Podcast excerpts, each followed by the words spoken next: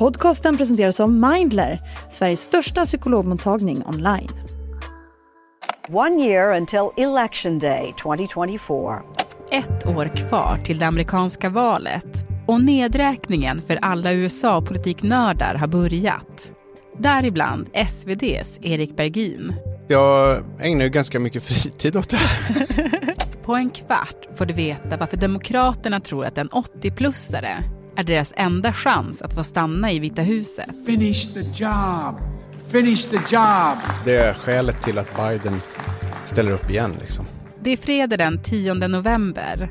Det här är Dagens Story från Svenska Dagbladet med mig, Alexandra Karlsson.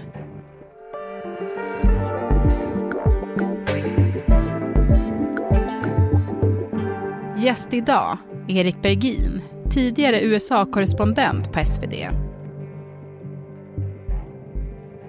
Erik, du får rätta mig om jag har fel, men visst mår du aldrig bättre än när du får snacka om amerikansk politik? Nej men, nej, men exakt så är det ju faktiskt. Och nu finns det ju mycket där som händer. Mm. Är det, hur, hur är det att leva med dig då? Det är liksom bara malande? Faktiskt så att jag ägnar ju ganska mycket fritid åt det här. det, det, är nästan hemskt att säga men, men innan jag ska somna så går jag igenom liksom, inte jättemånga minuter men liksom kollar har det hänt någonting. När jag vaknar så kollar man ju liksom alltid TT, nyhetsbyrån, har det hänt någonting? Och så kollar man igenom lite amerikanska nyhetssajter. Så, så, så är det ju. Men det, är ju liksom, det blir ju så när det är som ett intresse. Ja men precis. Och nu är det ju bara ett år kvar till valet. Mm. Hur förbereder du dig nu då, som äkta USA-politiknörd? Jag har börjat kolla ganska mycket på delstatliga opinionsmätningar för det är ju egentligen en 5, 6, 7 delstat som avgör presidentval. Så har det varit eh, flera val men tittar man på dem, vad väljarna tycker, så kan man ju få, faktiskt få fram eh, någonting som man kan analysera och som kan ha bäring på vad som händer om ett år. Då. Mm. Det kom ju en sån i början på veckan till exempel som visar att Trump leder i de här, var väl fem av sex sådana delstater som de hade mätt i och det är ju intressant. Liksom. Mm, verkligen. Lite panik då hos Biden. Verkligen. Det blir, eh, det vart nog lite panikläge där. Ja. Det är ju mycket som inte är klart ännu. Men det vi vet är ju att sittande president Joe Biden kommer ställa upp för omval. Folks, we're not making this stuff up. This is real. Och han kommer ju då vara 81 år gammal. Mm. Hur ser man på det i USA? Det, det visade den här mätningen i början på veckan som jag nämnde att folk tycker att han är för gammal. Folk tycker även att Donald Trump är för gammal, men han är ju tre år yngre. Så att, så att det, men så är det, folk tycker att han är för gammal. Men sen måste man, om man ska förstå, och jag får ofta den frågan, och, och den är väldigt motiverad. Varför en 81-åring eh, överhuvudtaget är, eh, liksom påtänkt kan komma i fråga för ett sånt jobb. Som, man är ju president 24 timmar om dygnet och måste gå upp och ta beslut om, om, om knepiga saker och sådär. Då måste man förstå så dynamiken som ledde fram till det här och då, det, man, det kokar ner till det förra valet 2020. Alltså Trump försökte sitta kvar efter ett val han förlorade och allt det där. Det var stormningen, det var sånt som vi har pratat om tidigare flera gånger.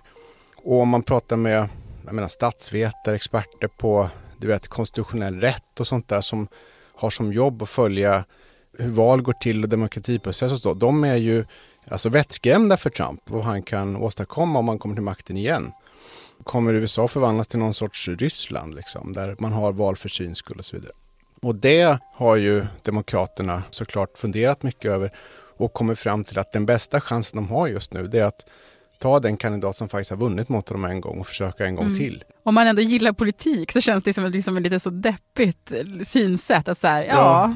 Det, det, du, du har rätt, alltså det, å ena sidan så är det deppigt därför att allting verkar så uppgjort och färdigt redan. Det kommer, alla tror att det kommer bli de här två gamla farbröderna som gör upp en andra gång. Det var likadant för fyra år sedan. Särskilt i demokratläget eh, såklart, men även en hel del republikaner som tycker att det, det här är uppgjort, det är färdigt, vi har bara de här två. Mm. Varför ska jag överhuvudtaget rösta? Liksom? då kanske vi ändå ska stanna lite grann i det här faktumet att, att det också verkar, som jag förstår det, på demokrater som att man också tycker att Joe Biden är lite för gammal. Ja, så är det. Den här mätningen som kom i början på veckan igen då. Det som var lite mm, extraordinärt kanske, det var ju att Biden ligger under med ganska mycket i de här delstaterna. Alltså sådana som, som Michigan och Wisconsin och sånt där. Och det var faktiskt så att David Axelrod som var politisk rådgivare åt Obama, alltså en högt uppsatt, respekterad demokratisk eh, rådgivare, politisk rådgivare, går ut och säger att han tycker att Biden borde hoppa av. Man borde börja leta efter någon yngre. Och, och det är ju extraordinärt att han säger det. För det, det, är inte så att Biden kommer följa det rådet eh, bara sådär, men, men det, det väcker ju en diskussion. Det visar att det finns en diskussion i, i partiet. Har vi verkligen satsat på rätt häst? Mm. Kommer han att palla liksom? Mm. Och du, när vi planerade för det här avsnittet så skickade du en, eh, en ett litet roligt YouTube-klipp eh, som visar ju att åldersfrågan, det är inte första gången den är uppe i ett Nej. amerikanskt val. You already are the oldest president in history and some of your staff say you were tired after Det här klippet är ju från den, jag tror det är den första presidentvalsdebatten då 1984 mellan eh, Ronald Reagan, sittande presidenten och eh, hans utmanare då demokraten Walter Mondale. Och Reagan, 73-åringen, får då en fråga om han kommer att klara av en, en kris som den som John F Kennedy fick hantera, Kubakrisen 20-talet år tidigare. I recall yet that President Kennedy had to go for days on end with very little sleep during the Cuba Missile Crisis. Is there any doubt in Det ställs på sin spets kan man säga, hans, eh, frågan om hans ålder under den här, en av de här valdebatterna då strax före valet. Any doubt in your mind that you would be able to function in such circumstances? Not at all. Mr. Truitt, and I, and I want you to know that also I will not make age an issue of this campaign. I am not going to exploit for political purposes my opponent's youth and inexperience.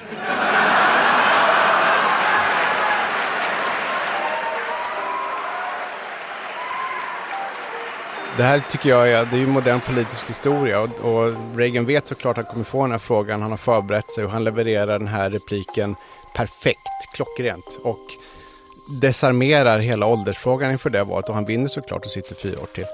Då kan man fråga sig, har Biden fått något likadant tillfälle? Nej, det har han inte. Um, det kommer ju bli, om nu Trump inte struntar i de debatterna, men annars kommer det bli debatter mellan honom och, och Biden, uh, Trump och Biden senare nästa år. Men det är frågan då om man lyckas ta den chansen. Mm. Lika bra som skådespelaren Reagan gjorde. Ja, nej men precis. Han tog ju chansen, men det var inte så kul att det förtjänade så där mycket skratt tycker jag. Jag kände så här, det, var, det, men det är låg ribba kanske i politiken då, dra skämt. Ja, jo, men jag tror att det han, det han gjorde, Reagan här, det är att han fick ett sån här breakthrough moment, alltså han gick igenom tv-rutan fram till, hey, it's a funny guy, I think I'm gonna vote for him. Alltså det, den typen av Eh, reaktion från väljarna och det måste man ju få. Biden har kört mycket med det här att han har fått frågan, eh, är du inte för gammal? Och då säger han, watch me. Two thirds of Americans in exit polls say that they don't think you should run for reelection. What is your message to them, and how does that factor into your final decision about whether or not to run for reelection? It doesn't. What's your message to them? Watch me. Alltså, titta på hur jag Eh, liksom klara av det här. planet. Exakt, bara att folk gör det och de är allt mindre övertygade om att han, att han verkligen står pall. Jag, jag minns själv, jag såg honom för tre år sedan då i South Carolina pratandes inför det primärvalet där.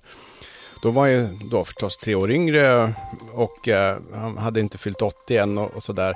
Och han var piggare då tyckte jag. Han har alltid pratat entonigt och ganska tråkigt när han håller väljarmöten och sånt där. Men han, han gick fram och tillbaka på scenen. Han, han, jag tycker att han, det är ju subjektivt, man ser vad man vill se. Men jag tycker att han ser äldre ut. Och vem som är gaggigast mellan han och Trump kan man ju diskutera. Eh, ingen av dem är särskilt stringent när de kanske svarar på frågor och sådär. Men, men jag menar, det, det, folk ser vad de vill se.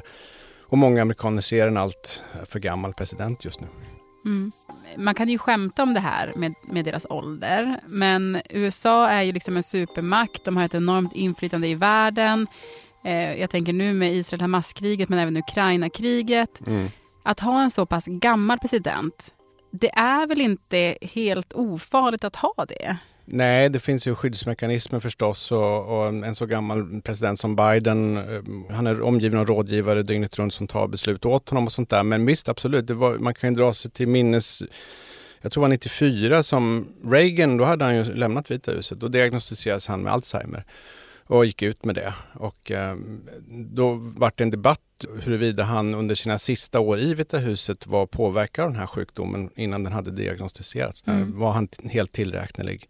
Och eh, det är klart att den debatten finns nu också som du säger. Det är ett otroligt påfrestande jobb att vara president och båda de här ska man väl säga Trump är ju inte särskilt ung heller. Alltså, eh, och, så det är klart att den frågan ställs. Och det positiva är väl möjligen att det måste komma ett stort generationsskifte.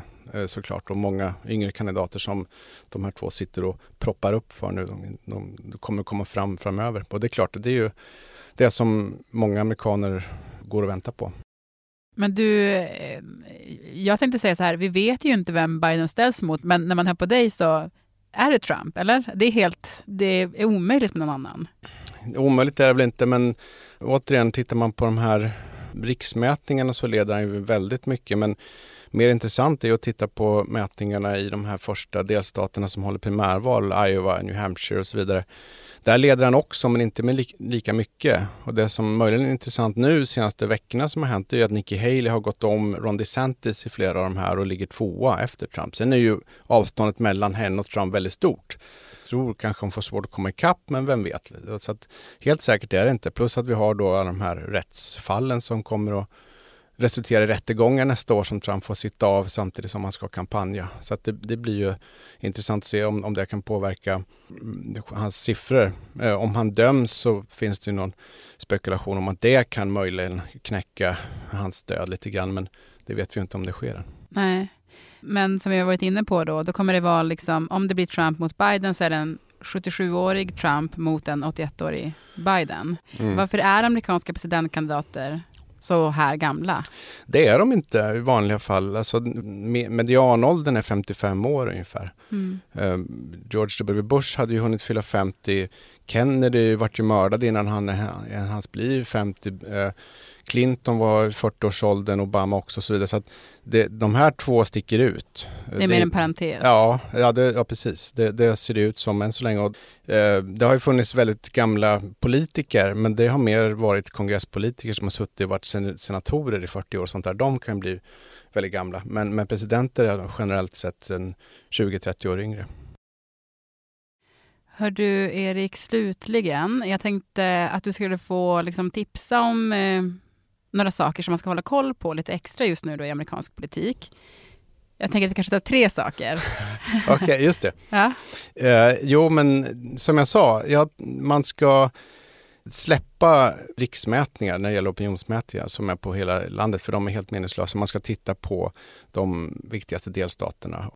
Sen ska man ha koll på abortfrågan, för läget nu är ju lite grann att Biden, hans parti går bättre än Biden själv gör i opinionen. Alltså, Demokraterna har vunnit en väldig massa val i år, sådana här delstatliga val till domare eller delstatskongresser i Virginia var häromdagen och så vidare. Och där har Demokraterna vunnit väldigt mycket. Alltså, och de har gjort det tack vare abortfrågan där många väljare tycker att Republikanerna har gått för långt högerut, försökt förbjuda aborter åt höger och vänster. Många säger att det här funkar inte och eh, i den här debatten senast så pratade, ingen republikan ville prata om abortfrågan för de tycker den är jobbig och de, förlor, de förlorar val på den. Och den är intressant att följa. Kommer Demokraterna och kommer Biden att kunna använda den i november 2024 för att eh, komma framåt och locka väljare där? Mm. Det är intressant. Och sen så, jag tycker också som utrikes, jag menar, man jobbar med utrikesjournalistik, att det är ju intressant var vi hamnar med du nämnde ju Israel och, och Ukraina-kriget också. Det är ju inte en presidentvalsfråga egentligen för väljare struntar ganska mycket i utrikespolitik. Men var det hamnar, det blir ju en, en avgörande fråga för båda de där konflikterna, särskilt Ukraina såklart, hur det går 2024. Mm. Och jag vill ge ett tips, om man känner sig lite, att det är lite tråkigt i amerikansk riktig politik just nu, så se West Wing. Exakt. Gå tillbaka till West Wing, den mm. finns på HBO Max, det är världens bästa serie om när politik är som man vill att det ska vara kanske? Ja, så kan man säga. Bra sammanfattning. Du, tack så jättemycket Erik. Ja, tack själv. Calm face. We need to pick a fight. We don't need little changes. We need gigantic, monumental changes. The fight to restore American democracy begins right now. Och producent idag var Moa Larsson, redaktör var Maria Sundén Jelmini och klippen i programmet kom från CBS News och C-SPAN.